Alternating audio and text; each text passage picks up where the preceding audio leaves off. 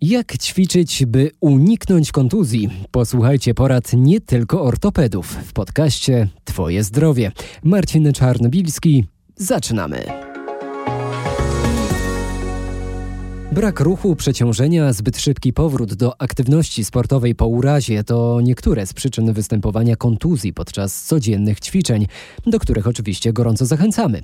E, według byłego reprezentanta Polski, siatkarza Pawła Wojickiego, najważniejsza jest systematyczna aktywność fizyczna, rozgrzewka oraz sen. Vital Heinen powtarza, wszystkie zajęcia muszą być skończone do północy, o północy już trzeba leżeć w łóżku i spać, żeby móc 8 godzin się wyspać. Trener przygotowania fizycznego reprezentacji Polski, Belk, fajny obrazek pokazał. Wziął kawałek krzaka czy coś i pokazał, zobacz, jak jesteś elastyczny, to jest zupełnie inna energia, zupełnie inna siła. Nie moc mięśni się liczy, tylko ich elastyczność i myślę, że dlatego to rozciąganie jest bardzo ważne. Ja po sobie teraz widzę, że mogłem kiedyś więcej czasu na to poświęcać, pewnie bym miał jeszcze więcej siły Ryszard Janikowski jest kaskaderem z ponad 30-letnim doświadczeniem.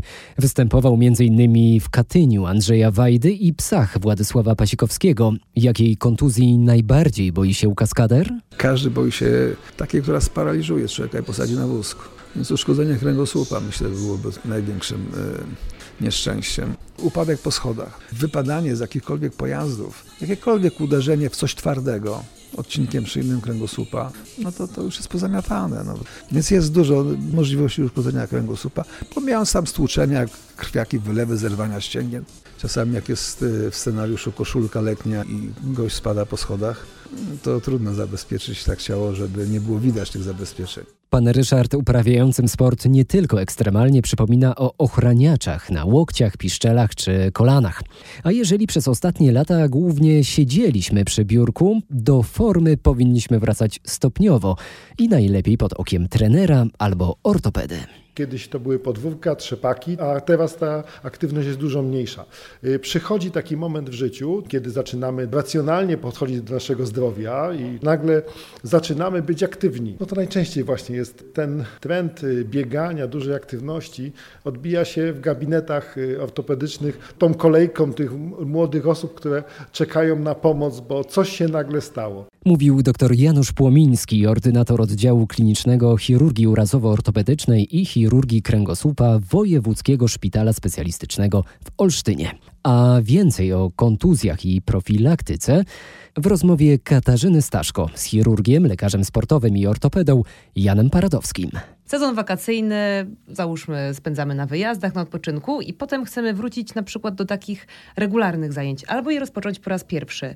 E, na co trzeba uważać, żeby do kontuzji nie doszło?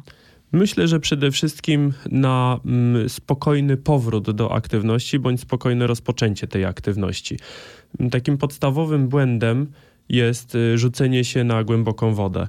Zacznijmy powoli, spokojnie. Najlepiej skorzystajmy też, jeżeli mamy taką możliwość, z klubu. Powstało teraz dużo takich amatorskich kółek, klubów sportowych, które umożliwiają rozpoczęcie tego ruchu z profesjonalistami, pod okiem kogoś, kto się zna. Myślę, że to by było Czyli cenne. pod okiem trenera. To, to, to mhm. zawsze jest najlepsze. Natomiast jeżeli nie możemy sobie na to pozwolić, mm, jest wiele już w miarę przyzwoitych też filmów instruktażowych, zarówno w języku polskim, jak i w języku mhm. angielskim. Możemy spróbować troszeczkę tej wiedzy z internetu ściągnąć.